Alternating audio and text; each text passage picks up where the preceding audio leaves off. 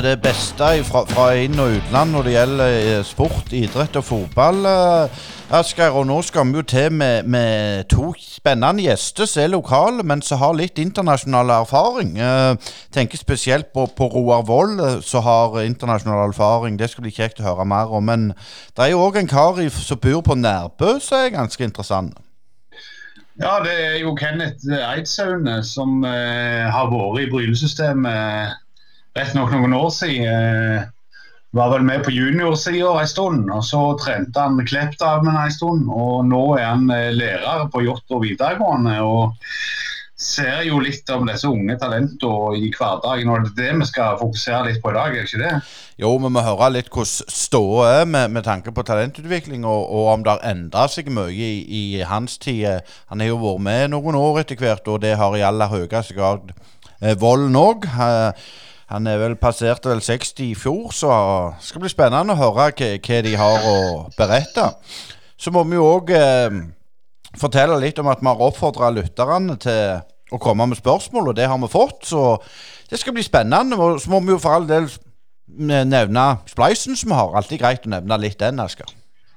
Det er det, og vi har spleisen gående fram til påske. og Hjelp oss å bidra og utvikle podkasten. Det kommer mange spennende ting framover òg. Og så er det jo klart, vi venter jo på at eh, fotballkampene skal komme i gang, så vi kan få snakket litt om det som foregår på banen òg. Renta i Stavanger har utleie av alt som trengs for å få jobben gjort både for private og firma. Lifter, gaffeltrykker, minigravere, fliskuttere, vibratorplater, sager, beltebårer, minidumper og ellers alt du trenger til byggeplassen. For mer info, sjekk ut renta.no. Rett maskin i rett tid på rett plass. Renta Stavanger, din utleier i Stavanger og Jæren. Ja, du hører fortsatt på Brynepodden, og vi skal jo få to eh, herrer når det gjaldt eh, ja, hva, hva er det vi skal snakke mest om i dag, Asker? Er det, er det Lau- Lauvik-Oanes-sambandet, eller er det Forsand-sambandet, tror du? Nei, Jeg tror ikke det blir noen av delene. Vi skal vel se litt på samband eh, med unge spillere og talent og utvikling på det. Er det ikke det vi har tenkt på? Jo, det er vel det. Og hjertelig velkommen til Roar Vold og Kenneth Autsson. Eh, Ja, der begynte jo jeg å, å, å snøvle med en gang, Kenneth. Du må presentere deg navn. Det er ikke så lett å si. Nei, det stemmer. Det jeg sitter skrevet i mange varianter, men det er Kenneth Eidsaune. Ja, Eidsound, ja. Ja, velkommen til, til, til Brynepoddene, begge to. Takk, takk. Takk. Eh, Ja vel, eh, Asker. Skal, skal vi begynne med de eldste, som vi pleier? Ja, vi kan eh, godt det. Så du kan jo spørre Roar eh, til å begynne med. Det kan jeg gjøre. Ja, Roar, du må fortelle litt om eh, din bakgrunn. For du har Jeg spurte om du hadde hatt et ærlig arbeid, eller om du var bare lærer eller fotball du hadde holdt på med, og det er vel mest bare det? Det er mest bare det, ja. Det er det faktisk. Og det har jo vært givende begge deler. Nå er jeg jo eh, kretsansvarlig for spillerutvikling i NFF Rogaland, og det har jeg vært siden 2005. Og før det så var jeg, jeg var med i kretsen, har vært med i kretsen siden 1997 da på, som, på krets, som kretstrener og som eh, drevet trenerkurs forskjellig, så tror jeg han har en god ballast der. Så eh, det har vært givende, og det er fremdeles givende, selv om det siste året har vært relativt tungt da, i koronatider og vært lite av den aktiviteten som jeg holder på med. Og, men vi, vi står jo fast på at det, det, det kommer til å gå bra. Eh, Fortell litt om den rollen du har nå. Hva, hva innebærer det? Jeg, jeg har jo ansvar for spillerutviklinga i Rogaland fra 12 til 16 år. Eh, Norges Fotballforbund har jo lagd en sånn, noe som de kaller for Landslagsskolen. Som den kom i 2015, og der, der ligger det sånn klare føringer da for at vi skal drifte spillerutviklinga likt i hele landet, og alle kretsene skal drive det likt. Eh, både, den er både for gutter og jenter, og, og det skal ikke være noen forskjell på jenter og gutter. Alt skal være helt likt. Og da er der er det klart definert hvordan vi skal drive kretssamlingene, hva treninger vi skal ha, eh, hvordan vi skal ta uttak til spillerne, og hvordan foreldrene skal forholde seg til det, og samarbeid med klubbene. Så det er, sånn, det er en grei håndbok å forholde seg til på 140 slides. Så det er mer enn nok, og jeg, jeg kan ikke alt utenat, men, eh, men det viktigste har vi kontroll på. Så er det akkurat nå kommet et nytt planverk, da, som på landslagsskolen, som er totalrevidert, som lanseres nå i februar, pluss at eh, NFF har lansert en skoleringsplan fra 6 til 16 år, som er ganske spennende, som òg innbefatter barnefotballen og bredden. Som òg skal være et verktøy for trenerne til å kunne drive god spillerutvikling fra de kommer i klubben når de er 6-7 år. Sånn at de får med seg godt verktøy framover, sånn at de kan være enda bedre enn det de er nå når de er 10 og 12 og 14 år. Så det er noen ting som skal være stor hjelp for trenerne i alle klubber. Så hvis de fleste hekter seg på det, så tror jeg det kan bli veldig bra framover i tid for norsk fotball. Ja, det var jo liksom det du sa, hvis de hekter seg på det. Er det, er det mange klubber som på en måte setter seg på bakbeina og at de slik gjør med det her? Nei, jeg tror det har blitt mye, mye bedre. Det var sånn før i tida at vi gjør det slik og slik. Det vil alltid være noen trenere som, som tenker sånn, men jeg tror at de fleste trenerne er opptatt av å få gode verktøyer til å kunne gjøre det best mulig for spillerne sine.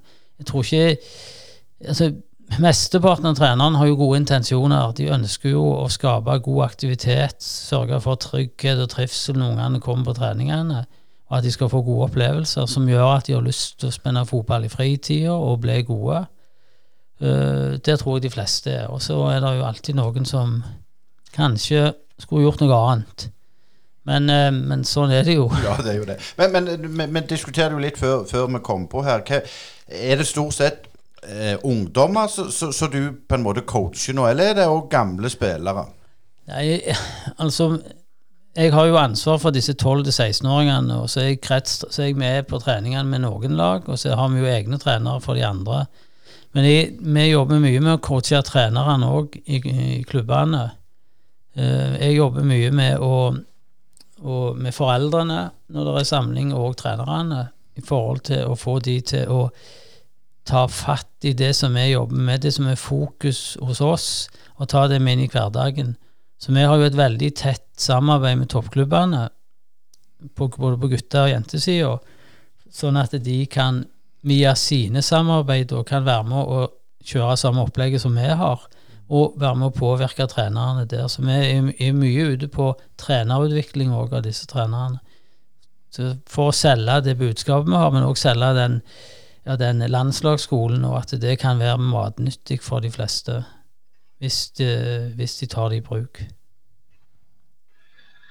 Eh, du nevnte 12 16. Kenneth, eh, første gang jeg husker deg ifra, det var vel på Sørlandsgruppen, når du var i det segmentet og spilte småguttefotball i der fangedraktene til Nærbø med hockeysveis. Men eh, seinere dukka det opp i media som, som eh, en, en, kar som hadde gått inn i trenergjerninga og var i Bryne. Hvordan var din vei inn i trenergjerninga, Kenneth? Ja, vi kan jo begynne i Sørlandscupen, da når vi spilte kvartfinale mot Gøy. For jeg hadde fire mål, vi slo de 4-3. Eh, da jeg var tolv år da. Da tenkte jeg at jeg må nok bli trener. tenkte jeg. Men veien inn i trenergjerninga var rett og slett to kneskåler, så sklei det ledd litt for ofte. Så jeg fant ut jeg kunne Når jeg var 27 år, da ga jeg opp proffdrømmen. Så da fant jeg ut at nå må jeg gå inn og bli trener. Jeg var vel kanskje forresten 26. Så eh, da begynte jeg å skulle egentlig ha juniorlaget til Nærbø. Og så viste det seg at hele førsteelveren til Varhaug hadde slutta eh, i løpet av før og i løpet av oppkjøringa. Så jeg fikk tilbud om å trene Varhaug i tredjedivisjon i 1998. Så da hoppet jeg på det, og da var vi i gang. Men du er jo òg eh, i dag med å, å, lære opp andre trenere. Altså, hvordan har eh, det utvikla seg siden du gikk ditt eh, første trenerskurs? Uh, altså, Tenker du på trenerutvikling eller min utvikling? Nei, jeg tenkte på trenerutvikling. altså Den kursinga du fikk når du eh, tok dine første steg i forhold til sånn det er i dag. Jeg tenker En av de viktigste forandringene er vel kanskje litt det Roa sier i forhold til dette med mestringsorientering og dette med å se hele mennesket. Og både altså, ha to tanker i hodet. At du skal både legge til rette for at folk holder på med fotball lenge, om de ikke trenger å bli proff, men du skal òg tenke på at disse her som har lyst til å bli proff, at de skal ha en mulighet til det. Så det, jeg, tror, jeg tror helheten er blitt, altså det blir mer helhet i trenerutdanninga nå enn hva det var når jeg tok det. Men når eh, føler du at vannskillet var? Når begynte han å, å, tenke de banene som, som Roar på en måte skisserte litt her i starten? Ja, ja jeg begynte jo Jeg tok jo mitt sjøl første trenerkurs i 1990. og mitt neste i 94, og så i 2005. Men eh, fra 94 til 2005 vil jeg vel si det har vært begynte ting å skje. Roar, er du enig i den? Ja, jeg, jeg kan eh, vel samstemme i det som Kenneth sier i forhold til, til den uh, trenerbiten. Jeg, jeg, begynte jo å holde disse kursene i 97, der, det som nå kalles for grasrottreneren, og jeg ser jo at det har hatt en enorm utvikling de siste 20 åra i forhold til det som var fokuset da, kontra det som er fokuset nå. Og ikke minst på dette med, med altså det mestring og trygghet og trivsel. Og det at ungene må ha det kjekt for å utvikle seg. Det tror jeg er stor fokus nå, og så er, er det mye større fokus på det faglige òg. Sånn at de kan lære noe, altså ta det inn i en sammenheng. Det, det, er lite sånne isolerte ting. Det er ting som går i et spill mot spill, som gjør at ungene får mer å forholde seg til, og, som, og skaper mer læring.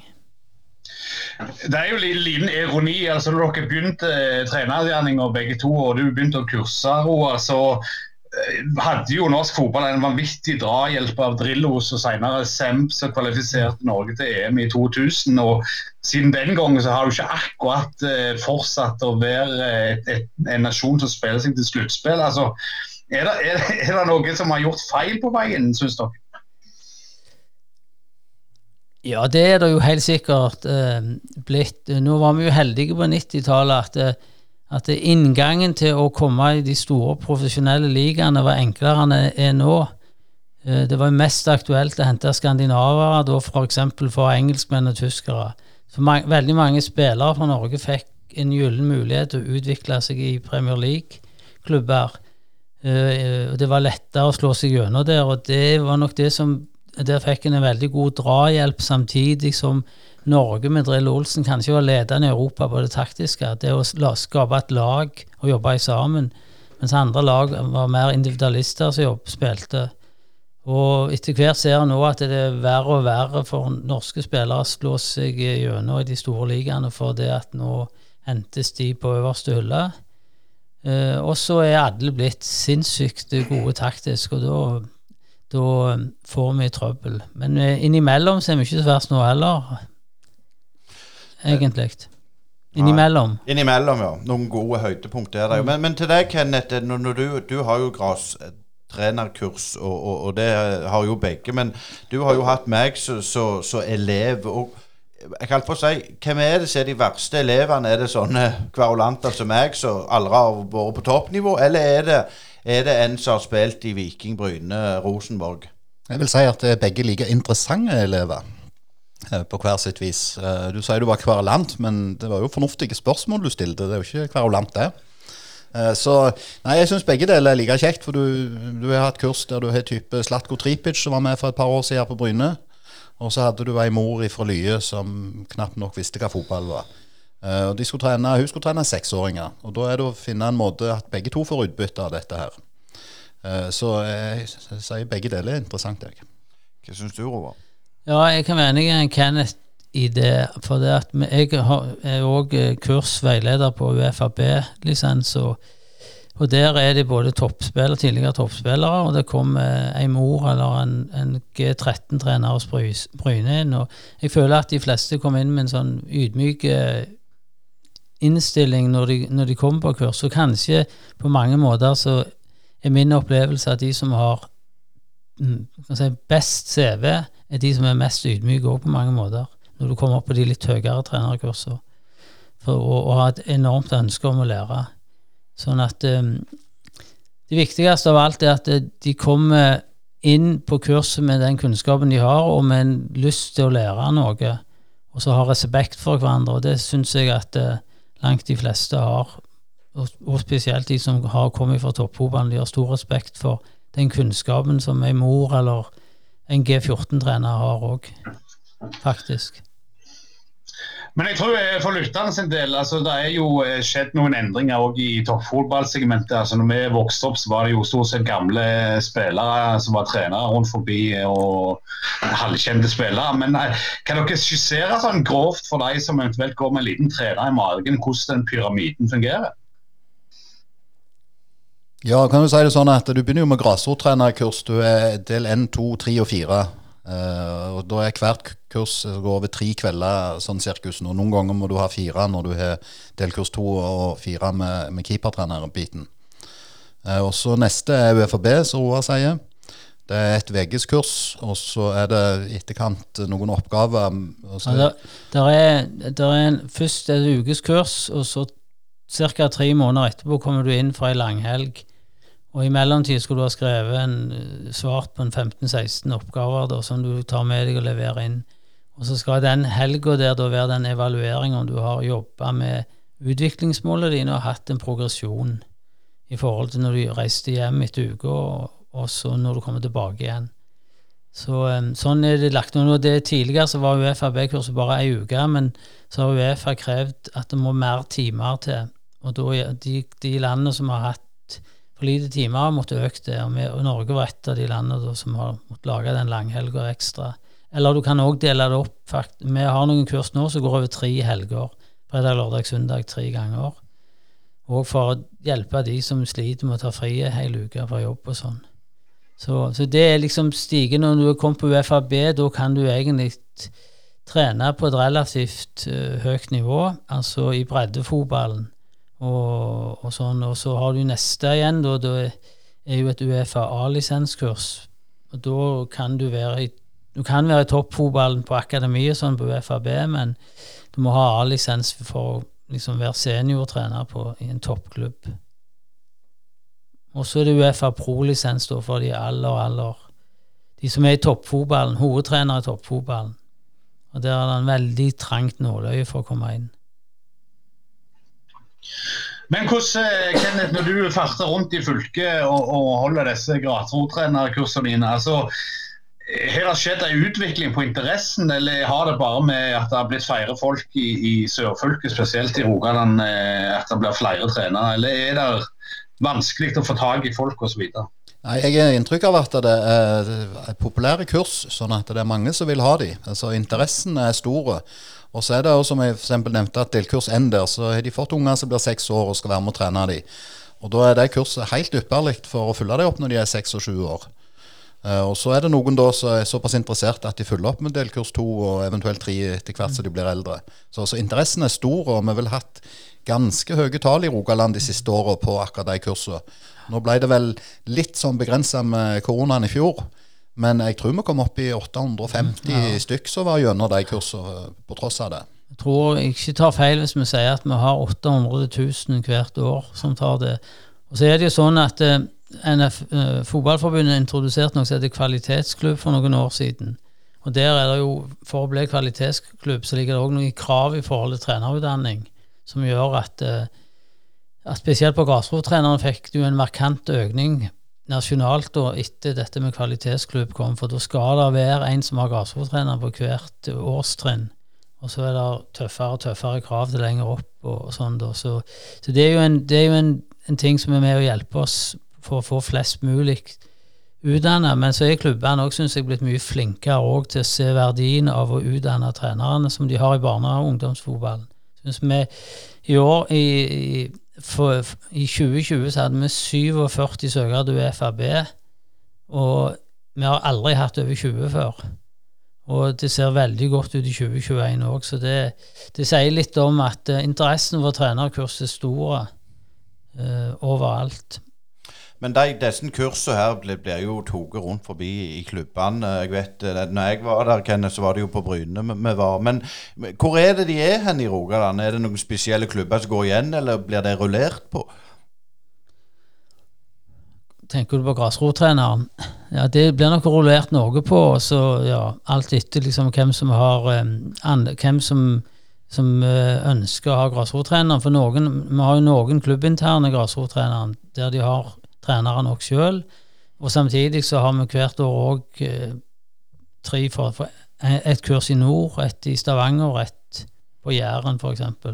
Og der kan alle klubbene søke å gå inn der.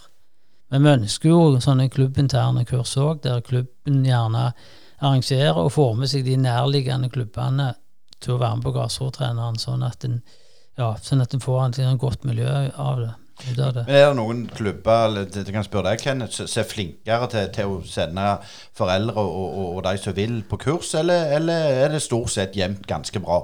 Jeg vil si det er jevnt ganske bra. Nå skal jeg til Kjensvoll og gå etter vinterferien. Da er det ti stykk. Ikke lov å ha mer nå, da. Så det var, de kommer nok til å gjøre en runde til for å få alle gjennom. Men da skal vi ha ti stykk på Kjensvoll. Jeg har vært hatt på Hinna nå før jul. Jeg var ute og hatt på Rosseland. Det du var på, forresten, det var ikke et klubbinternt. Det var et av de eh, felleskursene som ble arrangert på Bryne, da. Sånn, eh, nei, så, så jeg har inntrykk av det er mange klubber som er opptatt av akkurat den biten. Eh, Vi har jo oppfordra lytterne til, til å, å komme med spørsmål. og Det er et, en som kommer et anonymt eh, spørsmål. Det er jo dette med, med lengst mulig, flest mulig, best mulig. Eh, men tankene rundt det det har vi jo hørt ganske godt. Men videre nå? Er, er vi slått til ro med at sånn skal det være? Hva tanker er det videre? Det, det er jo akkurat det som er lansert nå i denne nye skoleringsplanen for 6-16 år, der en, der en bretter vekk litt av det der flest mulig, lengst mulig, best mulig. Vi jobber mer med at uh, du faktisk skal lære mer fra du er seks år oppover, sånn at flere flere av de ungene har lyst å bli veldig gode og har lyst til å trene mer. Og, og en legger også opp til at klubbene skal kunne tilby de mer trening. De som vil, kan trene mer enn de som er fornøyd med å komme en gang i, i uka. Tilby de mer trening i klubben. Så da vil en gjerne ha flest mulig til å trene mest mulig for å bli best mulig. Så det, det akkurat den der flest mulig, best mulig, lengst mulig er jo en god sak, for en må ikke glemme at det, når det en gang ble lansert for noen år siden, der har det kommet opp en Martin Ødegaard, du har Erling Haaland. De var en del av det der han er flest mulig, lengst mulig, best mulig. Og sånn at eh, Det var den gang da, og så må en dra det noe videre for å få det enda bedre. Og skolere flest mulig, sånn at de har lyst til å bli lengst mulig. Både gutter og jenter. Vi ønsker jo ikke å miste noen av disse som begynner å spille fotball. Og da må de, jo- da må de oppleve mestring helt fra de begynner, og ut gjennom. Det er jo ofte de som slutter, de som finner ut at nei, ja, ja, jeg er ikke så god som de andre, så slutter de. Bare, bare forsvinner. Vi ønsker å beholde de. Eh, men Roar, jeg så det var et, et gammelt sak eller intervju med deg der du sa at eh, det var ikke så farlig om du ikke var på sonelaget når du var tolv år og du kunne fremdeles bryte gjennom. Men eh, eh, hvordan er ståa generelt blant unge spillere rundt forbi kretsen nå? Altså, Når er det de går leie? Er det den berømmelige mopedalderen ennå, så er det store utslaget? Ja, det er et herlig spørsmål. Um, det er kanskje Altså Generelt sett så tror jeg de slutter enda litt før. Altså For noen år siden så var det i den mopedtida sikkert. Nå ser vi vel en, en, en liten endring allerede i 13-14-årsalderen. Både, på, både på gutter og jenter. Og det er jo der vi jobber knallhardt nå for å prøve å beholde de òg. Men, men du ser at det dropper litt tidligere enn før. Og det er greit svar. Ja, det høres bra ut. Og Kenneth, jeg har lyst til å følge opp. Du er jo eh, jobba både i Bryne og i, i videregående skole på Jåttå med de kanskje fremste talentene som det er i sørfylket iallfall. Eh, I en 20-årsperiode etter hvert. Eh, Hvordan, har det utvikla seg blant de som er de antatt beste på de 20 åra? Altså, ser du noen forskjeller i dag kontra når du starta opp med, med de som var de unge talentene? Jeg ser jo sånn som på Hjorta nå, der jeg jobber nå, der kommer det flere inn på VGN som 16-åringer nå, som er kommet lenger enn de gjorde bare for 12-13 år siden jeg begynte der. Sånn at vi har flere fotballspillere som har, altså, som Roar sier nå, faktisk er bedre enn hva de var da for 12-13 år siden. Eh, Så som sier, på videregående hos oss, da merker vi ofte året fra andre til tredje klasse. Da er det noen som velger vekk toppfotballen og går til bredde. Da har de funnet ut at de blir ikke proffe og kommer til å leve av det. Men de slutter ikke med fotball for det. Så, men, men det er iallfall at det er flere gode fotballspillere som kommer inn nå. Og vi ser jo på idrettsfag generelt i Rogaland, så er det enormt bra søknad. Og det er mange fotballspillere både på Svithun, Hjort og Sandnes, Bryne, Sola, Strand. Altså massevis av gode fotballspillere. Men, men er det blitt altså Bryne var jo eh, Bryne videregående eller gymnas, ja, videregående var jo sånn pioner eh, når det gjaldt det der med fotballinja på, på gymnaset. Men er det blitt et must i dag at du må gå på ei fotballinje for å bli en toppspiller? Nei, Det er ikke et must, men jeg sier det er en absolutt fordel. Det var, jeg leste en artikkel for en del år tilbake der, du sa, der de skrev hvis du ville mislykkes i fotball, begynn på idretts, type idrettslinje, idrettsfag. Eh, og det, det var jo en spissa sak, da.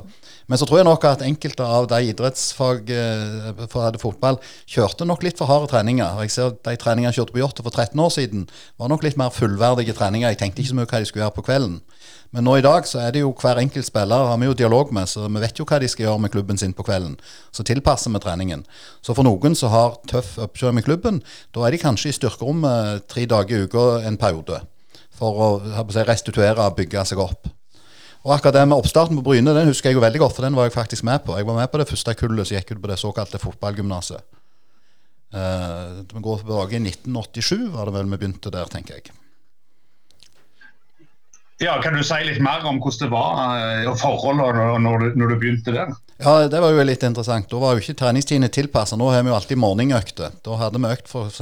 fra klokka to til halv fire, og så skulle du trene med klubben klokka seks. Så eh, jeg var litt tung i beina periodevis. Jeg forsto ikke alltid hvorfor, men jeg ser jo nå i ettertid hvorfor jeg var det. Men vi fikk gjennom en brukbar spiller i det systemet. Han var i to år i det systemet altså før han reiste til start. Vi hadde Erik Mykland med da. Han var såpass lett i beina at han takla mengden. Ja, det, men det var vel òg i den tida at trener alltid sa hvis du hadde sting at du skulle springe av deg, og det er vel ikke lov lenger i dag å si noe sånt? er det det? Ja, bør iallfall være litt forsiktig. Men eh, nå vet jeg jo en av den virkelig gode gamle skolen, Karsten Johannessen, han fikk jo en hjernedrypp, han. Og så reiste han seg opp og begynte å springe, og så sa de stopp, Karsten, stopp. Så, Nei, jeg løper dame, jeg løper dame. Øystein? Ja, når det gjelder dette med, med, med, med unge trenere som får sjansen, da er det jo alltid sånn Får de sjansen for tidlig? Ta deg, Roar, da. Ja, det er et godt spørsmål. Det kan godt være uh, at noen kan få det litt for tidlig, men samtidig så så syns jeg det er spenstig når noen tør å prøve noe nytt, og prøve noen unge istedenfor de som de alltid prøver, som, som reiser rundt og trener overalt. Uh, og de kommer jo inn med nye ideer og voldsomt pågangsmot og stor arbeidskapasitet. Sånn at det kan kompensere for den, på den erfaringen som mangler, kan du si. Så, uh, så det, jeg syns det er tøft og, og spenstig for de som tør å prøve akkurat det der. For det, ellers så, det blir så lett at en, en ser i de de samme banene alltid. Og så Da mister vi jo noen av de der unge med voldsom pågangsmot hvis de ikke får sjansen til å bevise at de holder mål. Ja, for det er jo liksom Hvis du ser jeg sier sånn så Sam Allardyce alltid skal komme inn i England og redde, og du har Tom Nordli i Norge, og, Ja. osv. videre. Men hvorfor tror de at de gjør det? At klubbene gjør det? For det er jo ikke noe billig løsning. De gjør nok det fordi at det er mest safe. At de har vært med så lenge, så, så lenge i gamet, og de, de vil ha inn erfaring, noen som har vært med før. Og så er det jo ingen garantier for at de lykkes. Du ser jo det at de mislykkes jo de òg, gang på gang allikevel, men det er liksom mer safe. Og, og, og så tør de ikke prøve en uprøvd eller en, en noe yngre til, fordi at det, de blir litt desperate. De må jo vinne de, disse kampene for å ikke rykke ned, f.eks., og så, så går de på, på den type. Jeg syns av og til så så får du gjerne sparken for kjapt òg, rundt omkring. Du må tørre å stå litt i det, tenker jeg, klubbene.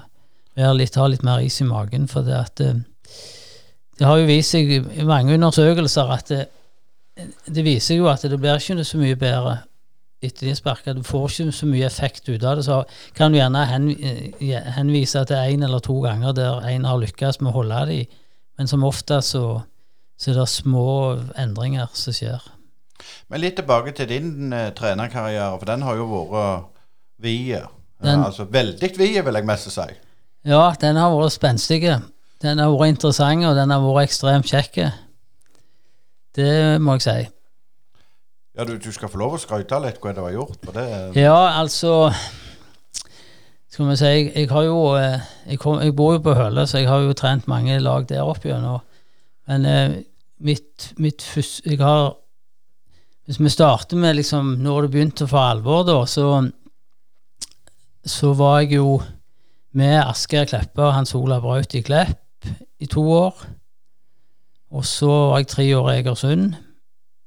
Og fikk røska litt opp i Åkra by og uh, tok over et lag som var liksom litt nede i tredjedivisjon. Og på tre år så rykte jeg opp i andredivisjon. Uh, og em, det tror jeg er tre av de beste årene jeg har hatt som eh, fotballtrener. Det er en fantastisk by, fantastiske mennesker og spillere. Og også et voldsomt engasjement. I, i, altså de har en avis. Alle bryr seg om fotball. Eh, og det er liksom Det er kanskje det som står igjen som det, som det mest spennende med å være der. Det er voldsomt engasjement og trøkk. Og jeg har jo spilt der nede mot Egersund i sin tid. Du vet jo det hekkende det var der nede når du kom. Alle kikket på deg og lurte på hva du var, ja. kan, skal vi tape greier? Det var mareritt. Og det, akkurat det der, der kjente jeg på. altså Det var så herlig å, å være trener der og visste at det, det var ingen som likte å komme der til, til Husabø og spille kamp. Men mest av alt en fantastiske gruppe med spillere, stort sett bare lokale. Og, og når du da rykte opp med de, da, da hadde jeg jo fått denne jobben jeg har nå, da, så, så det var jo perfekt avslutning, egentlig. Og så hadde jeg et år i Avaldsnes. Første året til Avaldsnes i toppserien. Eh, 18 nye spillere fra året før.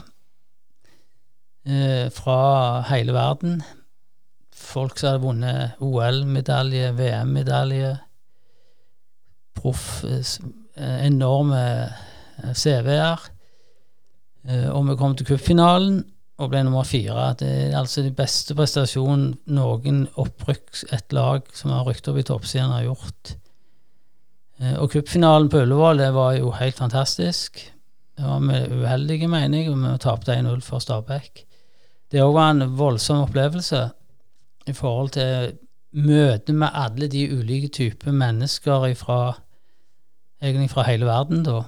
Så, så jeg lærte mye av det om ulikheter og hvordan å behandle folk fra ulike verdensdeler med respekt og, og alt dette. Så ja, og så har pleier jeg alltid å si det at det viktigste laget jeg har trent og trener, det er da Høle jenter 12. De har jeg trent siden de var seks år. En fantastisk gruppe med jenter som vi har hatt mye kjekt med, og som har hatt mange gode opplevelser på fotballbanen. Og de samme som begynte, de er fremdeles med nå, men nå skal være Høle jenter 13. Det er òg ei side av saken som er like viktig for meg som det jeg har trent av lag likevel opp gjennom.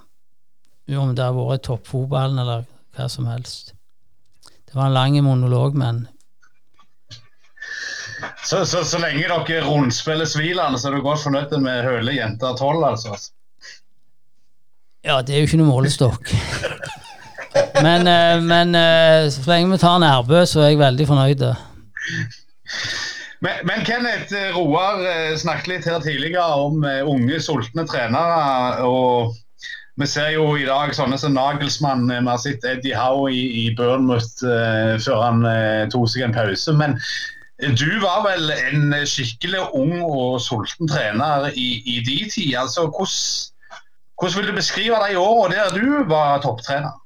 Ja, vi begynne, Jeg begynte jo ikke på toppen. Jeg begynte i Varhaug og tredjedivisjon i 98. Eh, Så rykte vi ned i tredje til fjerde, og så året etterpå rykte vi ned i femte. Eh, Da var jeg litt i tvil hva jeg skal gjøre videre nå. Men da ville de ha en medtrener i Nærbø, og det er år 2000. Da kunne ingen rykke ned, så jeg tenkte dette var ganske safe. Så vi ble nest sist da med Nærbø, den, men vi rykte ikke ned. Da kjente jeg det var såpass bra framgang at da tok jeg kontakt med Bryne etterpå og tilbød meg å trene juniorlaget. Så det tok litt tid før Gabriel var med på det, men til slutt så fikk jeg jobben med å trene juniorlaget da i 2000, desember 2000. Så var vi i gang. Så jeg var ganske sulten og tydeligvis ikke så flink. Det var mye nedrykk i alle fall. Ja, men altså, Du blir jo helst på Nærbø når du tar Varhaug ned to divisjoner. Det, Ja, det, for å si det sånn, den, den legendestatusen er jeg jo sikra da. Men altså, så kom du da eh, i Bryne. Du skal jo ikke undervurdere de tida der. Men hva, lærte du av folk som Magnus Johansson og de, eh, de årene du var assistent i, med dem? Eh, ja, det, det ene året var jeg jo assistent. Eh, jeg begynte med Johansson i 2006. Eh, da er det litt dette med altså Det er forskjell på å trene tredjedivisjon, det er forskjell på å trene juniorlag, som jeg hadde hatt i Bryne noen år. Nå er det voksne spillere som har like mye krav til treneren altså som treneren stiller til deg. Så det, den, det ble profesjonalisert på en litt annen måte. Uh, du følte Jeg, sier, ikke, ikke, at jeg ikke var forberedt til før, men du, du, måtte, du, var litt mer på tå hev når du kom på dette nivået. Så akkurat den biten var interessant. Og så ikke minst at det med vinnerskallene Nå var de samla. Nå, var det, nå, nå smalt det på trening, og alle, alle ville bli bedre. Og Så gikk du jo over og ble eh, trener for Klepp i toppserien. Altså, Hvordan var det i den tida, overgangen fra herrefotball til damefotball? Var, var det stor endring i kultur og måten de trente på osv.? Si, det, det største endringen hvis du gikk over der, det var jo at de så jo ikke fotballkamper utenom de de var med på sjøl, flesteparten. Uh, og det er klart, du, Hvis du skulle henvise til en Premier League-kamp i helga, så dere den situasjonen. Da var det kun Katrin Dyngvold opp, for hun så alt av fotball fra England. Men ellers så, så, så de ikke fotball utenom det de var med på sjøl. Så det var vel egentlig den største forskjellen. Mens når det gjaldt hvor profesjonelle de var, så var de vel kanskje et lite hakk tøffere enn guttene. Når de hadde hatt egen treningsperiode med hjul, da var det ingen som hadde juksa noe på det de skulle sprunget. De hadde heller sprunget litt for mye, faktisk. Der har vi vel eksempel på noen navn fra herresider der de kanskje ikke alltid gjorde alle meterne de skulle springe uten ball. Nei, men det, det, er jo skjedd mye. men Apropos det du nevner, det, jeg, jeg hørte en gang et, et, foredrag av en amerikansk sosiolog eh, hvor han snakket om eh, sommerseminar han hadde hatt i Tyskland. Eh, og Der ble eh, da gutter og jenter oppfordra til å skrive ned elveren som vant VM i fotball for Tyskland i 1954. Han sa det var ingen ingen av guttene som hadde under seks retter, og ingen av jentene som hadde over tre retter. Så det er en kulturforskjell, iallfall var det det i, i det feltet. Men ja. Roar, jeg har lyst til å spørre deg litt om, eh, om, om fremover, altså ståa i rogalandsfotballen. Eh, hvordan ser det ut eh, per i dag, når du kommer litt unna Viking, Bryne, Ulf og, og Haugesund, selvfølgelig? Ja, jeg syns, eh, jeg syns vi er på god vei. jeg. Jeg syns det kommer opp gode spillere hele veien. Og så må en ikke glemme at de, de, kommer som regel fra breddeklubbene. Og så, og så har drifter jo eh, både Bryne, Viking og Sandnes Ulf de drifter noen sonemodeller for sitt område i samarbeid med oss. Og Der får jo de aller beste spillerne fra breddeklubbene mulighet til å trene sammen en gang i uka for kartlegging og påvirkning og, og, forskjellig. Og sånn ferdighetsmessig så er det bedre og bedre. Men, um, det, og det er flere og flere som er ivrige. Så jeg, sånn sett så Hvis vi ser på sånn aldersbestemte landslag og talentlærere, sånn, så er vi veldig godt representert med spillere fra Rogaland inne på sånne talentlærere, og på landslaget. Hvis du tenker at eh, Rogaland er en sånn 10 %-krets, så har vi bra med spillere inne som får markert seg. Uh, sånn at uh, det ser bra ut. Skulle selvfølgelig så skal en ønske, alltid ønske han var i himmelen, men, uh, men vi er vel på vei oppover, i hvert fall. jeg snakket nettopp med Veton Berisha, og da sa jeg til hans på Lurtebog og Ståa at det er flere gode nå enn for ti år siden jeg holdt på med han og broren. Men de aller beste var like gode da som de som er aller best nå. Så, så, der er det ikke noe forskjell. Og kanskje med noen av de hadde en, gjerne en helt annen mentalitet. De var tøffere og røffere med seg sjøl og tydeligere på mål Og nå er det mange flinke fotballspillere som skulle ønske gjerne var ja, litt røffere. Har den der voldsomme mentaliteten for å nå målene. Men, eh, men eh, det ser veldig bra ut. Bare for å spinne videre på det. Mentaliteten og, og det mentale er viktig for å bli toppspiller. Er, er, det noe dere har fokus på i trenergjerninga? Ja, men det er nok ikke det som er mest prioritert. akkurat det, Men det er klart at det, det er jo en viktig del av det. Det å jobbe med, kanskje ikke i barnefotball, men når de begynner å komme sånn når de begynner inn i sånn spillerutviklingstiltak, så må en jobbe med, med, mentaliteten. For det, det, er jo en krig. Altså, Skal du bli god, så konkurrerer du jo med veldig mange fotballspillere om å, å nå målene dine. Og, og da, må du ha en ganske sterk eh, tro på deg sjøl og en god mentalitet for å ta de der. For det er mye motbør òg. Det, er skader. det er formsvikt, det er mange ting som påvirker deg. og det er liksom When the going gets tough, the tough gets going. Det er da du må vise at eh, du har lyst til å nå målene dine. og der, der um, kan du se forskjeller. Og, no, og noen av de, de eh, aller røffeste, de, eh, de når målene sine. Bare skyte inn der. Er det det som er litt problemet med den norske modellen? At vi skal, alle skal med og kose oss, og så tar vi ikke den det, altså Hvis du skal bli like god som Erling Braut Haaland, så, så det, det nytter ikke å være gilde da. Du kan være gilde, for han Erling Haaland har alltid vært gilde.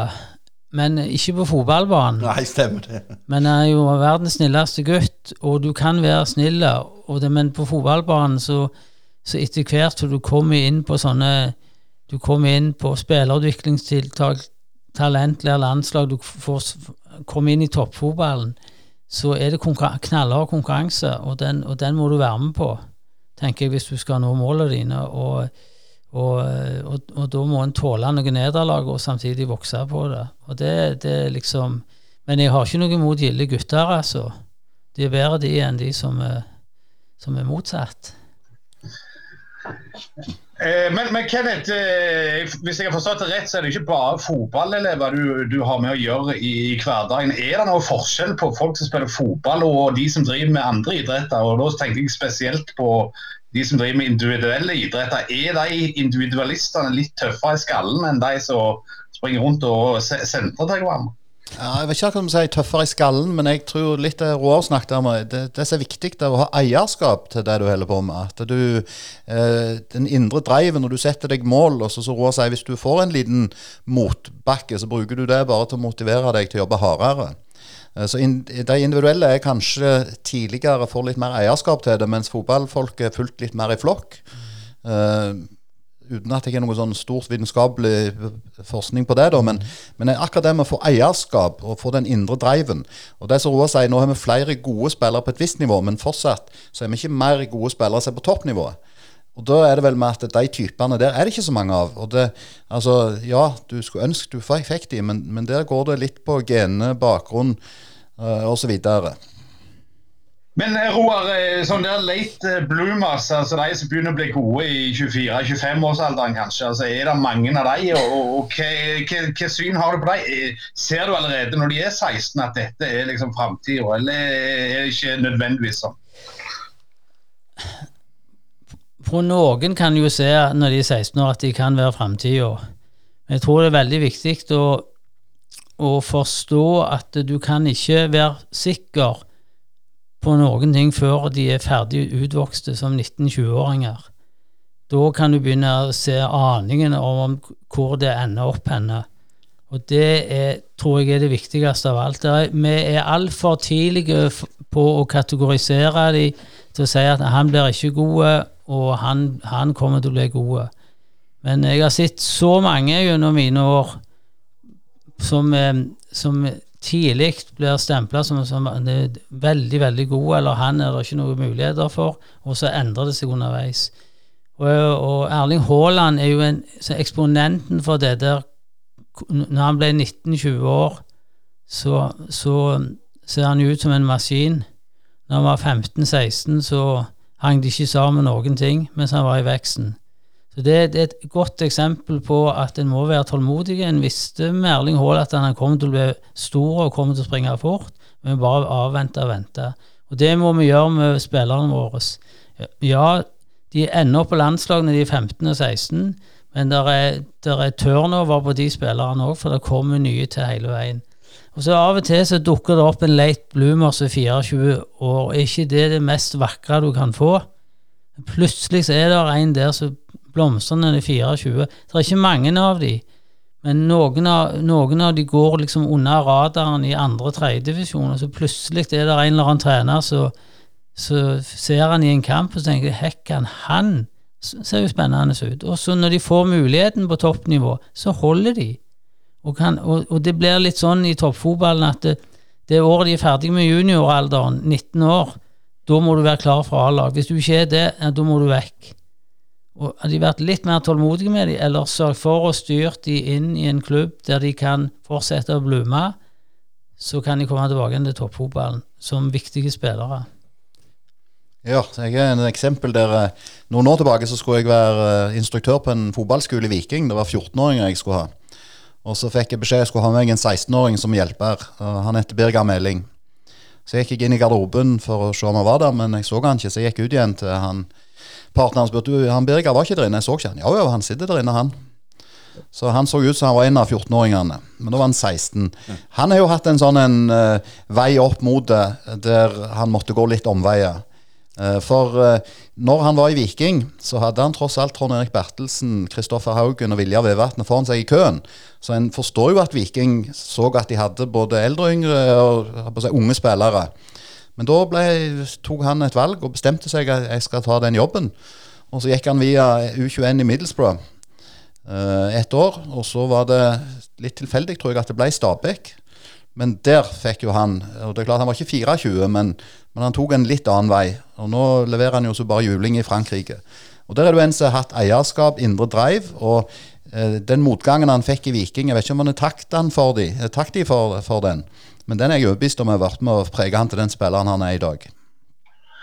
Men eh, det er en annen ting som jeg har lyst til å spørre om. Jeg tror det var eh, Pål Arne Johansen, eh, han som eh, vel er på G18 i dag, hvis jeg husker riktig, eh, som nevnte dette med at eh, i mange av landslagene, og kanskje i kretslagene òg, så var det hovedsakelig de som er født tidlig på året som dominerer, og det er veldig lite for de som er født i fra si, august og ut året. er det noe dere kjenner igjen? og nå, hvis jeg husker riktig, så når vi begynte å spille fotball, så var det en sånn inndeling med, med, med de som var født seint på året, kontra de som var født tidlig på året. Altså, er det noe vi mangler der som kunne justert så det hadde blitt litt bedre for de som var født f.eks. i slutten av november?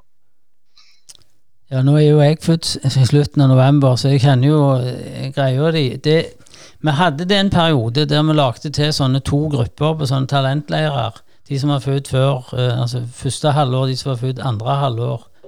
Eh, og så ble det tørna litt tilbake igjen. Og du ser jo stor forskjell på, faktisk på jenter og gutter. På jenter så er ikke dette en utfordring. Mens på guttene er det en stor utfordring nettopp fordi at eh, hvis du er født tidlig på året, så er du ofte mye større, større enn de som er født seint på året. Og spesielt i 14-årsalderen på talentlærer så ser du enorme forskjell på de som er født tidlig på året, og de som er født veldig seint. Uh, og, det, og det, det, på gutt 15 og gutt 16 så vil en nok se at eh, eh, brorparten av spillerne er født første halvår, og svært få er født seint på året av de spillerne. Da må de ha spesielle egenskaper, for det at ofte så er de jo litt mindre. Men det jobbes med det hele veien, og samtidig så må du jo ha et landslag som kan konkurrere, og så utvikler jo disse seg som er født seint på året. Det, det er gjort en kjempestor undersøkelse i Tyskland på dette på, alle alder, på, alle aldersbestemte landslag i Europa så er 70-80% født første halvår. Alle aldersbestemte landslag. Eh, noen, land, noen, nasjoner har fokus på det, mens andre bryr seg ikke, fordi at eh, de, klarer, de lever godt med det. Men, mens i Norge er det jo ekstremt viktig å få med alle, så vi har fokus på det og jobber med det hele veien. Dette. Og så er det også sånn at når Tyskland hadde den undersøkelsen, så gikk de inn og så i Bundesliga. Hvordan ser bildet ut der? Der er det helt jevnt fordelt på de månedene. Altså, det er sånn at i november og desember så fødes det nå færre unger eh, enn de, de, tidlige månedene likevel, pga. den nye barnehageloven her i Norge. ikke sant? At du, du må være født før 1.9. for å få ungen din inn. Men der er altså der, der, I seniorfotballen er det, er det, det nokså jevnt. Sånn at de, de kommer etter hvert, men de kommer seinere. Og det er derfor av og til at noen spillere plutselig debuterer på gutt 18-landslaget. For det at da har liksom de fått alt på plass. Så, men det, men det, det, det er en viktig fokusområde så, som eh, kanskje burde vært sett på enda mer òg i klubb, i de, i de gruppene en har helt nede fra, fra de er, er 12-13 år. Hvem er født seint på året, hvem er født tidlig på året? Hva er konsekvenser for det for oss, både i trening og hvordan vi skal jobbe med dem? Det, når du er åtte år, så er ett år født januar-desember det er enorme tid. Det er da det er snakk om 20% har de levd lenger enn han som er født seint. Så det er et godt poeng. Nei, Jeg er vel sånn, jeg er jo født 26. februar, så jeg var sånn early bloomer. Jeg er det noe som heter det òg, eller? Ja, du kan kalle det det. Ja, men det er greit. Vi har jo òg oppfordra våre lyttere til å stille noen gode spørsmål til dere. Vi har fått eh, noen med navn og, og noen anonyme, og det er ett anonymt til, til deg, Kenneth. Hvorfor slutta du så, så topptrener? Eh, ja, det er jo litt med litt familiesituasjon. Jeg hadde ei jente på to og et halvt år da. Og hvis jeg skulle prøvd å fortsette den veien der, så spørs det om hun hadde visst hvem jeg er nå.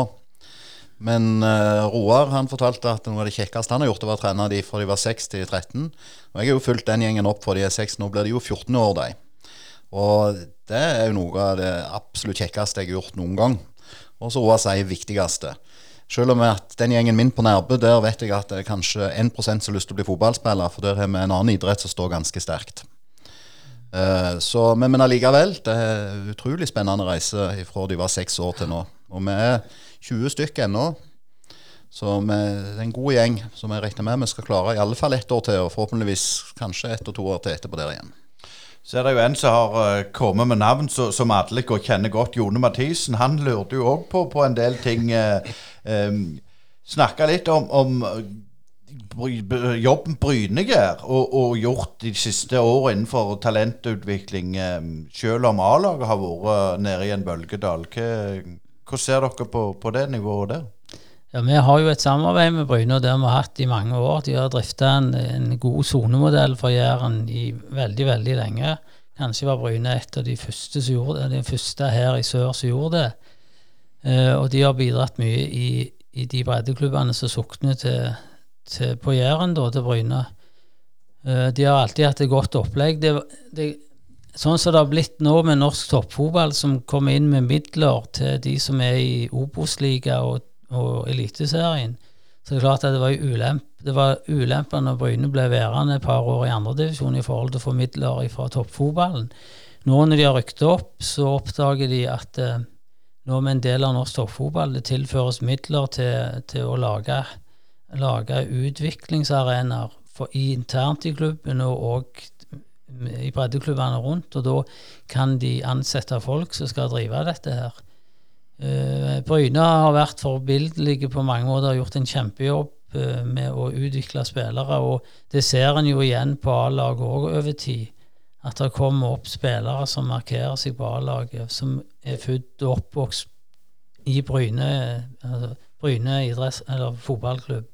Så, du, det, du kan, Vi har jo nevnt Erling Haaland, men nå har vi en Daniel Kars, Karlsbakk som har gått eh, hele stien i Bryne, som er en veldig spennende spiller, landslagsspiller. Det, det er en haug av de. Noen har reist ut, spiller andre klubber, det er naturlig mange ganger, det.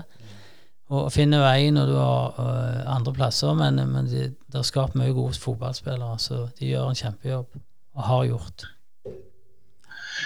Eh, Kenneth, du eh, kjenner jo til Jærfotballen godt, men eh, du har òg blitt kjent med den fotballen som foregår på Nord-Jæren i aldersbestemt. Eh, Hva vil du si, er det noen kulturforskjeller du vil peke på mellom de søre og de norde, for å bruke et gammelt eh, Hå kommune-uttrykk?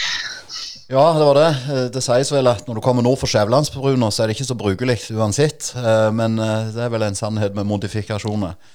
Eh, Nei, men du opplever kanskje at når du kommer mer og mer på Nord-Jæren, så er dette med type akademi eh, mer og mer aktuelt. At folk vil bruke penger på, på en del av utviklingen. Ja, Og kanskje folk har mer penger, er usikker på om det. Men eh, utenom det ikke noe sånn store forskjell. Det, det, si, det er gode folk på begge sider av Skjævelandsbrua. Men, men Roar, er, er, merker du noen kulturforskjeller si, fra Nord-Jæren til, til lenger sør i fylket, eller over Boknafjorden for den saks skyld? Ja, noen små kulturforskjeller er det nok. eh, Det vil være naturlig. Altså, på Jæren så er en jo mer jordnær og, og stillfarende. En snakker ikke alltid store bokstaver, og de gjør jobben. Og, og det, for å si så Min gode venn Hans Olav Braut sier det, er på jabbene som drar. Pleier han å dra av og til. Og det, det, det akkurat det, de ordene der skjønner de ikke helt lenger nord.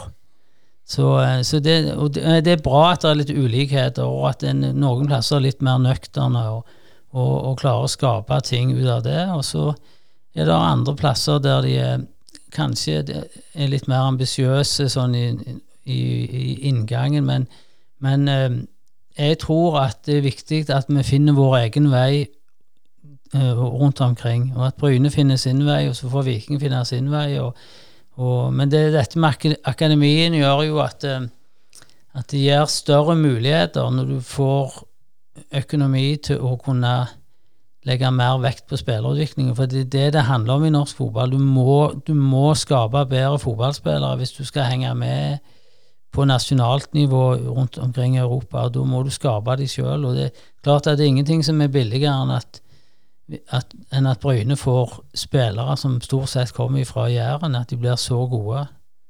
Da har de gjort en fantastisk jobb. Vi husker jo alle, alle de som røyk i Petterød 3 og moped i 16-årsalderen, som var litt talent. Men eh, Senere ble de òg foreldre og ble ambisiøse på ungene sine vegne. Er det et problem med overambisiøse foreldre inne i fotballmiljøet? Ja, jeg, jeg, vil ikke kalle det et problem, men det kan være en utfordring med overambisiøse foreldre. For hvis det er foreldrene sine ambisjoner som skal ut i livet istedenfor ungene sine ambisjoner, da kan det være en utfordring. Så, men jeg ser ikke så mange av de øh, egentlig, men det er klart at det, det, altså idretten må drives på ungene sine. Det må være ungene sin lyst som driver de, og så får de heller finne ut etter hvert hva de vil. Men eh, det er farlig hvis eh, foreldrene skal være de som, som bestemmer ambisjon, ambisjonsnivået for ungene i forhold til fotballen. For det skal jo være gøy og en lek, og så får de catche det etter hvert. Men eh, ikke se at det er mye av det. Eh, Kenneth, eh, du møter jo disse herrene talentene i skoleverket. Har du opplevd det at du ser at eh, nå er han lei og nå vil han finne på noe annet? Og, og hva gjør du i så fall med disse elevene som kanskje finner ut at de heller skal bli atomfysikere? Ja, da tenker jeg Hvis det er det de vil, så skal vi ikke stå i veien for det. det vi trenger begge deler. Vi trenger både fotballspillere og atomfysikere. du kan si, De som jeg har sett nå som var på et høyt nivå, som er godt inne på yacht. De er som regel aldri blitt så leie at det har vært snakk om at de vil gi seg. Av og til trenger de bare en liten pustepause før de er tilbake på, på sporet igjen.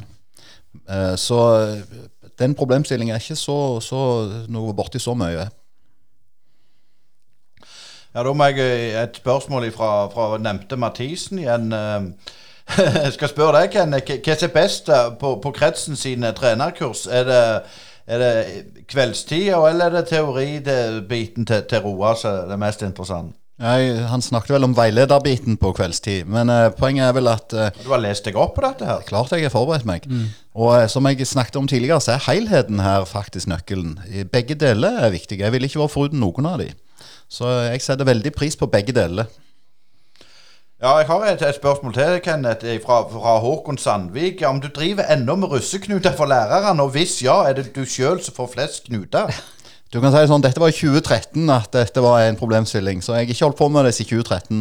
Men det var en litt hektisk vår da i 2013, det kan jeg love deg. Men, men fortell litt om for deg som ikke vet hva dette var. Nei, da var det Jeg satt og leste gjennom russeknutene som var for elevene på en eller annen nettside. og så tenkte jeg eh, jeg kanskje lagd noen for lærerne. Så brukte jeg et kvarter og lagde en ti stykk for lærere så jeg la ut på Facebook. Når jeg gikk og la meg på søndagskvelden, da hadde det passert 5000 likes og 1000 delinger. Så her, her har vi truffet noe. Så våkner om morgenen og sjekker Facebooken. Da var vi oppe i 10 000 likes. Uh, reiser på jobb, jeg får morgenøkt på Jåttå. Så når jeg kom i bilen, da er jeg to anrop. Det ene var for NRK, og det andre var TV Vest. Så hadde jeg heldigvis ikke noen timer resten av formiddagen, for da kom de og filma når vi kjørte disse her russeknutene. Så ble det litt radio både med helt, helt innom i Synnøve Svabø på Nitimen og et par andre, P3, P4. Jeg tror jeg var innom de aller fleste P-ene. Men uh, det var i 2013. Prøvde jeg året etterpå, nå skal jeg gjenta suksessen. Da tror jeg jeg fikk 70-80 likes. Så det, det, er noen ting som virker én gang. Det, så er det ferdig. Men eh, det som ikke virker en gang og er ferdig, det er jo nye trenere som kommer sigende til, eh, Roar. Jeg har lyst til å spørre deg litt, Er det noen typer som du føler ikke går på disse kursene, som burde gått der, og som du savner noe rundt forbi å holde kurs? Hvis jeg savner noe, så må det være mer damer og jenter. Jeg føler at eh, det, det er liksom en, en utfordring å få de til å tørre å komme på trenerkurs. Eh, vi savner en dimensjon der vi skulle hatt flere damer som tok grasrottreneren, og skulle hatt flere damer som tørde å gå på UFAB-kurs. Vi har hatt noen damer lokalt og fra andre kretser som har vært veldig usikre når de søkte, og så gjør de det fantastisk bra. og de blir høyt respektert i gruppa. Det er mye menn. Det er mesteparten menn, men de, mennene får en annen dimensjon, mer forståelse for hva kunnskap For altså, damer bringer inn en helt annen kunnskap i forhold til det å behandle spillere, det å ta vare på De ser ting på en annen måte. Så vi skulle ønske at terskelen for å tørre å gå på trenerkurs og begynt på grasrottreneren, skulle vi hatt jenter fra 18-19 år oppover. For det, det, jeg tror at det, det, er viktig å få flere jenter til å trene jenter. For det at de, og spesielt i den der spesielt i den der ungdomstida, for tolv år oppover, skulle vi hatt damer slash jenter til å trene jenter. For det at det, det tror jeg hadde vært en styrke. Der er vi nå på og tok eh, litt affære i forhold til det. Der har vi begynt nå at da går vi gjennom grasrottrenerkurs i løpet av alle de tre årene de går på skolen. Og da er det både jenter og gutter. sånn at eh, når de begynner på VG1, så er det delkurs 1, og når de går ut av VG3, så avslutter vi med delkurs 4. Uh, så da vil vi nå få en alt fra 2-3 til 28 jenter per år ut. Mm. Og så som Roar sier, delkurs 1 er det ikke så verst. Der, der er det tålelig bra mm. oppmøte med damer. Men så er det de neste to, mm. og tre og fire spesielt, kanskje, ja. der vi kunne trengt mer. Og Det, det er så utfordring med, med mange av disse. De har Altså, damer er, er sånn De har ikke tro på at de, at de kan være gode til dette. Altså, de må være, de må være mye tryggere. Menn bare hiver seg utpå og fikser dette. Damene de er litt annerledes. Og, og, så, og spesielt når du kommer opp igjen. De kan gjerne trene seks, syv, åtteåringer og så si nei, nå er jeg ikke god nok lenger men vi skulle hatt de lenger. Det tror jeg Vi jobber knallhardt med det via NFF òg, å få mer damer til, til å ta trenerkurs. og Det tror jeg er helt avgjørende for jentefotballen i Norge, at vi får flere damer til å være trenere. For de tror jeg eh, lykkes enda bedre med flest mulig, lengst mulig, best mulig, til å klare å holde, holde det i gang. Så jeg sier ikke at det ikke kan være menn òg med de, men ei dame i trener, hadde vært optimalt. Men vi har jo en, en, vedvarende debatt som går jo i Norge om, om topp eh, kontra bredde, om eh, fast ansatte trenere kontra foreldre eller frivillige. Eh, er det noen løsning der utenom at toppklubbene liksom tar den biten og så får bredden holde på med sitt, eller finnes det noen sånn mellomløsninger vi ikke helt har tenkt på ennå, som vi burde ha tenkt på? Ja, dess, flere for eksempel, så tar jeg grasrottrenerkurset rundt forbi. Uh, dess bedre for spent er vi da, for da er det foreldre vi får inn. Og hvis de uh, følger med i timen der, så skal de være greit for spente til å kunne trene de opp. Uh, og så er det du sier topp og bredde. Ja takk, begge deler. For dess større stammen i treet, dess bredere blir toppen òg. Men bare skyte inn har på en måte kretsen, som jeg kaller det, en, en, en en utfordring med å nå de som kan gå på de kursene. For jeg tenkte når jeg begynte på de kursene, så tenkte jeg at dette var sånn Altså Når du har spilt fotball, så tenkte jeg at det, dette kan jeg jo. Altså Det må jeg ærlig innrømme. Men så lærer du jo noe enormt mye på. Er det en utfordring, tror du? Ja, det, det tror jeg på noen måter så er det det, det der å få får solgt det inn. For det er jo klubben som må selge det inn til en viss grad, inn til sine trenere. Så tenker jeg at det, min erfaring når jeg har hatt holdt grasrotstrenerkurser tidligere, det at eh, voksne trenere, menn, har sagt dette, just, dette skulle jeg jo tatt for seks år siden, eller fem år siden. Men de, tror, de har en inngang der de tror de, dette går bra, jeg klarer dette her. Men det kurset der er en balle som er ekstremt viktig òg for menn. Og veldig mange tar Hvorfor gikk jeg ikke på dette for noen år siden?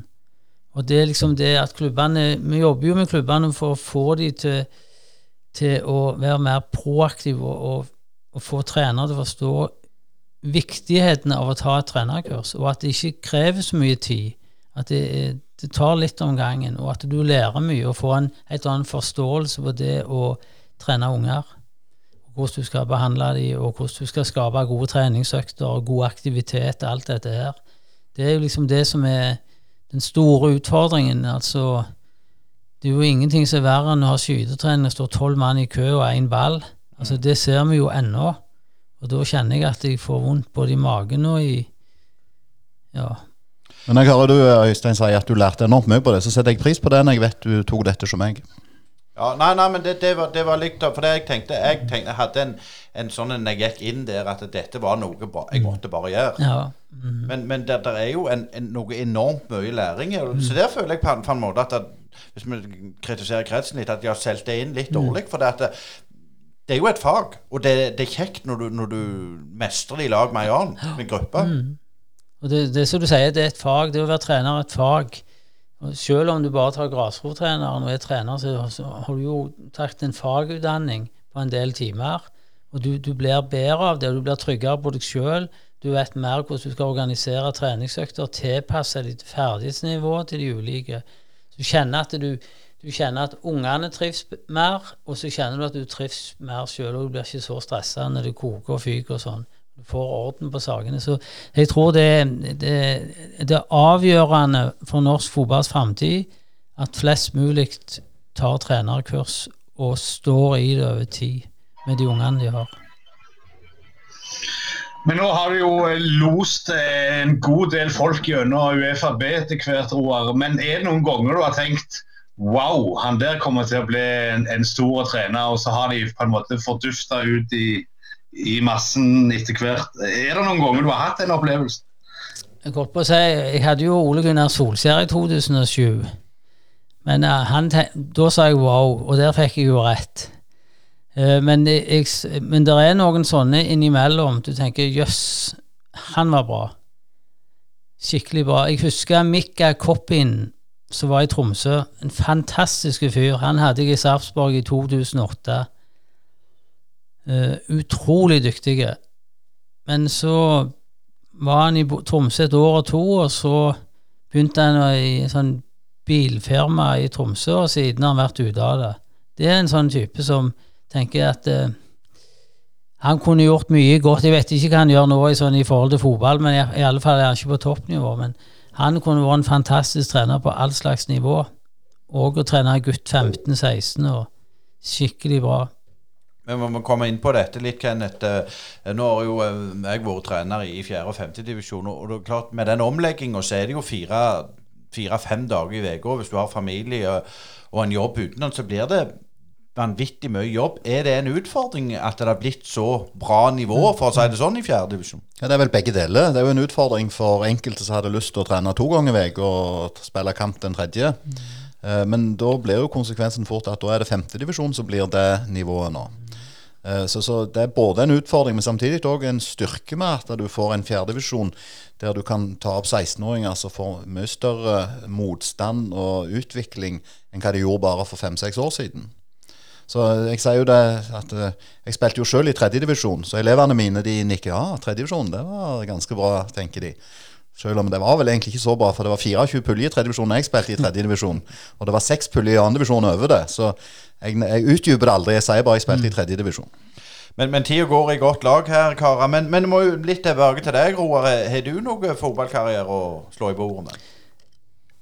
Å slå i bordet med, ja. Nei, det, jeg, har, jeg har vært i, i, i sin tid når det var Ulf og Ulf Sandnes. Så, da var jo de i andredivisjon, og da var det bare to, to Fire puljer i andredivisjon. Og så var det da første og det. Så, eh, og så ellers har jeg spilt sånn lokalt likevel. Men eh, vært, har vært mye i Høle da. Men så ødela jeg kneet, og så gikk, har- gikk jeg over til å trene lag da. Ja, men det er klart, skal ikke kimse av å være, være toppspiller i Høle, eller hva sier du, Asker? Nei, jeg har jo en eh, strålende karriere for eh, HBFK, som ble kåra til Rogalands dårligste lag i sin tid. Så det, jeg kimser ikke av Høle, jeg. Men, men jeg har lyst til å spørre litt til slutt eh, for min del, eh, Roar. Mm. Høle, miljøet der inne, eh, dere er jo på en måte litt sånn eh, ja, Nå har vi jo Forsand blitt innlemma i Sandnes, men, men dere er jo på en måte en, en sånn glemt bit av Sandnes kommune. altså hvordan hvordan er det å få folk i gang og stille opp der? Er det fremdeles den gode dugnadsånda i bygda, eller er det vanskeligere og vanskeligere? Nei, der er, der er fremdeles bra dugnadsånd. Det er klart at det, det, var, det er ikke, på Høle er det ikke heller sånn som det en gang var. Det er jo det har jo skiftes ut mye folk og, og greier, men, det, men det, det, er ikke vanskelig å, å skaffe trenere i alle fall til alle lagene. Så er det kanskje, som de fleste andre plasser, vanskeligere og vanskeligere å skaffe nok trenere, nok ledere, nok som kan være med og bidra. Men, eh, men det går rundt, og er, vi har aldri hatt så mye lag som vi har nå på Høla. Eh, veldig mye i aldersbestemt eh, fotball. Hvor vi har 14 lag, og det er ganske unikt. Så, så, så det, vi er fornøyd med det. Og det, det, viktigste tror jeg for Høle Jeg er jo ikke noe mer engasjert enn som trener, men det er jo at uh, flest mulig skal holde på lengst mulig. Du klarer vi å holde Når det er guttelag med, med 16-17-åringer som spiller elverfotball, det kan jeg ikke huske sist vi hadde, og, og vi har jentelag. Og så, um, det er viktig at de har noe å, å gå til har noe å holde, holde, på med, sånn at en ikke blir sånn rotløs ungdom, men har noe i fel, fellesskap. Nå har vi hatt et, et koronaår her, Kenneth, og, og, folk har jo fått tid til å tenke på mye rart. Men eh, er det noen ganger du går og tenker for deg sjøl at eh, det hadde vært gildt å være tilbake som trener i toppfotball? Ja, du kan si, eh, nå, Alle de åra der jeg ikke var i toppfotball, så har jeg jo vært på yacht og hatt tolv timer fotball i uka. Så jeg har vært med på trenerkurs, og så har jeg jo fulgt opp dattera mi siden de var seks år. Uh, den eneste biten jeg savner litt av, er den der skikkelig konkurransebiten som er kamp. Altså Du forbereder deg til kamp. Du står med litt sommerfugler i magen under kampen. Du prøver å være med og hjelpe og påvirke under kampen. Så det, det er det eneste jeg savner litt. Vi har spilt noen treningskamper mot Svithun med Hjorta. Da, da kjente jeg det kribla litt, uten at det var noe sånn voldsomt. Eh, sammenlignet med Roar snakket om de fikk en finale med Klepp. Jeg trente jo Klepp. Vi kom til en semifinale. Når den kampen står og vipper, det er ti minutter igjen og 0-0, om du kommer til Ullevål eller ikke, og så får du 1-0, da er det jo sånn veldig langt nede. Små marginer. Vi hadde en stor sjanse rett før. Hadde den smelt inn, da hadde vi vært på Ullevål. Eh, så akkurat den biten, det savner jeg litt i ny og ne, ja. Men er det noe du vil tilbake til? Det vet vi aldri. Det vet aldri hva muligheter som dukker opp. Men jeg, det får du rette tilbudet. Nå har jeg jo litt mer tid. Dess eldre de blir, disse her, dess mindre ser du jo til de. Så eh, jeg vil jo få mer og mer tid på, så, så jeg sier ikke at det, det, det, kan fort skje igjen, hvis det er rette tilbudet. Må jeg stille et spørsmål eh, til slutt begge, til begge. Hva er norsk fotball sin største utfordring per 2021? Ikke snar, hvis vi ser vekk fra covid. den største utfordringen til norsk fotball i 2021, den var, den var, den var tøff, altså. Det er jo Det vil jo alltid være utfordringer. Den største utfordringen det er jo selvfølgelig at, eh, tror jeg, er det å klare å beholde og øke mengden unger som er i aktivitet i fotballen. Nå pga. covid så er vi jo usikre på hvor mange som har falt ifra. Og det, for fotballen er det ekstremt viktig at vi klarer å øke prosentdelen av gutter og jenter spiller fotball i barne- og ungdomsfotballen. For det er viktig for det norske samfunnet at flest mulig unger er i aktivitet i idrett eller andre ting som sosialiserer de, holder de i fysisk form og aktivitet som de kan ta med seg inn i, inn i framtida si. Det det tror jeg blir viktigere og viktigere, for det er så mange tilbud som kan rive de av den type fritidsaktiviteter, den sosiale medier og alt mulig. Og, og jeg ser jo at uh, ungene blir mer og mer stillesittende, og ser på iPad og mobilen og, og, og ikke fyker sånn rundt i gaten lenger. For det er jo ingen som går og ringer på og besøker noen lenger. De sender en melding eller chatter. Så det, det, tror jeg blir den største utfordringen for norsk fotball. Hvordan skal vi klare å ta vare på og få flere til å begynne og, og stå lenger i det? Ja, og så Hvis vi henger på i tillegg at uh, toppen av det hele, at vi skal kvalifisere et A-lag til et mesterskap mm. Hvis vi klarer å gjøre det, og i tillegg får folk til å stå lenger, så vil det bli en sånn en god, positiv uh, sirkeleffekt. At du får et A-lag som er med i mesterskap, påvirker flere til å begynne å stå litt i det, og så, ja, så vil det ene påvirke hverandre. Og så, og så vil jeg gjerne understreke at vi har et A-lag som alltid er i mesterskap, og det er kvinnelandslaget. Sånn at, og de markerer seg jo spesielt i Europa, så er det jo eh, et av topplagene. Så er det litt røffere i når det er VM, da, men de, de er alltid i mesterskap. Sånn at eh, det, det er ikke helt Vi blir veldig fokusert på herrene og guttene nå. Vi må ikke glemme at på, spesielt på kvinnelandslaget og på aldersbestemte lag på jentesida er vi veldig, veldig gode. Viktige presiseringer. Legger meg flat at jeg glemte den. Kenneth legger seg flat, og det syns jeg må mest være en fantastisk god avslutning. Tusen, tusen hjertelig takk for uh, dere stilte opp i Brynepodden, uh, Roald og Kenneth. Renta i Stavanger har utleie av alt som trengs for å få jobben gjort både for private og firma. Lifter, gaffeltrykker, minigravere, fliskuttere, vibratorplater, sager, beltebårer, minidumper og ellers alt du trenger til byggeplassen. For mer info, sjekk ut renta.no. Rett maskin i rett tid på rett plass. Renta Stavanger, din utleier i Stavanger og Jæren. Da var det Brynepodden du hører på fortsatt, og i dag så hadde vi mye om spillerutvikling og trenerutvikling, ikke minst. Og det, det er et tema som mest vi kunne holdt på i det uendelige, for det syns iallfall jeg er spennende. Ja, eh, helt klart. Det syns jeg òg. Og det er jo kjekt å ta pulsen litt på eh, Unnskyld, å ta NFF Rogaland, som det heter, litt på, på pulsen og høre hva som skjer og hva de tenker. og det er jo en del ting der som, som var ukjent for meg, og, og det er òg spennende å høre litt med hvordan eh, folk tar sine første steg inn i trenergjerninga. Absolutt. Så var det jo kjekt å høre fra Kenneth Autson igjen. De lurte jo noen på rundt forbi på sosiale medier hva han hadde med Bryne å gjøre, men han er jo både trent juniorlaget, og vi fikk høre han var assistent under Frette og, og Magnus Johansson, så han er virkelig en, en fortid i Bryne. Så det var kjekt å høre fra han igjen. Men litt tilbake til det med Bryne. Jeg var og så eh, trening i løpet av uka nå, og det ser utrolig godt ut. 22 mann på trening, alle friske og raske og skikkelig trøkk. Så det lover i grunnen ganske godt på det som jeg så. Ja, Det høres jo betryggende ut, men eh, samtidig så må jeg jo være skeptikeren her og si at eh, vi vet jo veldig lite om hvordan det ligger an så lenge en ikke har møtt eh, andre lag og fått testa seg ut mot eh, de andre lagene som holder på å trene rundt forbi landet. Men eh, vi håper jo at det snart kan, kan komme en treningskamp og to, så en får se litt litt spill mot, mot motstandere som som ikke bare er fra samme treningsgjengen. Nei, det er klart det. det du får noe helt annet inntrykk da når du får spille mot, et annet lag. Men òg neste pod, Asker, da skal vi gå litt bredere. Og det har vi jo sagt, det er i Brynepoddene så skal vi gå både nasjonalt, internasjonalt og regionalt. Og det blir vel regionalt i, i neste pod. Det gjør det absolutt. Eh, Da skal vi innover til, til byen. Eh, Ikke der som de fleste tror, så dere må bare følge med. Eh, Vi kan jo gå i det ytre rom òg. Det er jo den der sonden som flyger rundt på Mars, men jeg tror ikke vi skal gå så langt, iallfall, Øystein.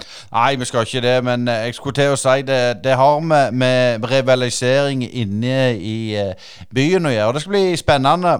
Jeg vil bare oppfordre alle til å høre neste Brynepod som kommer på, på torsdag. Takk for følget så langt.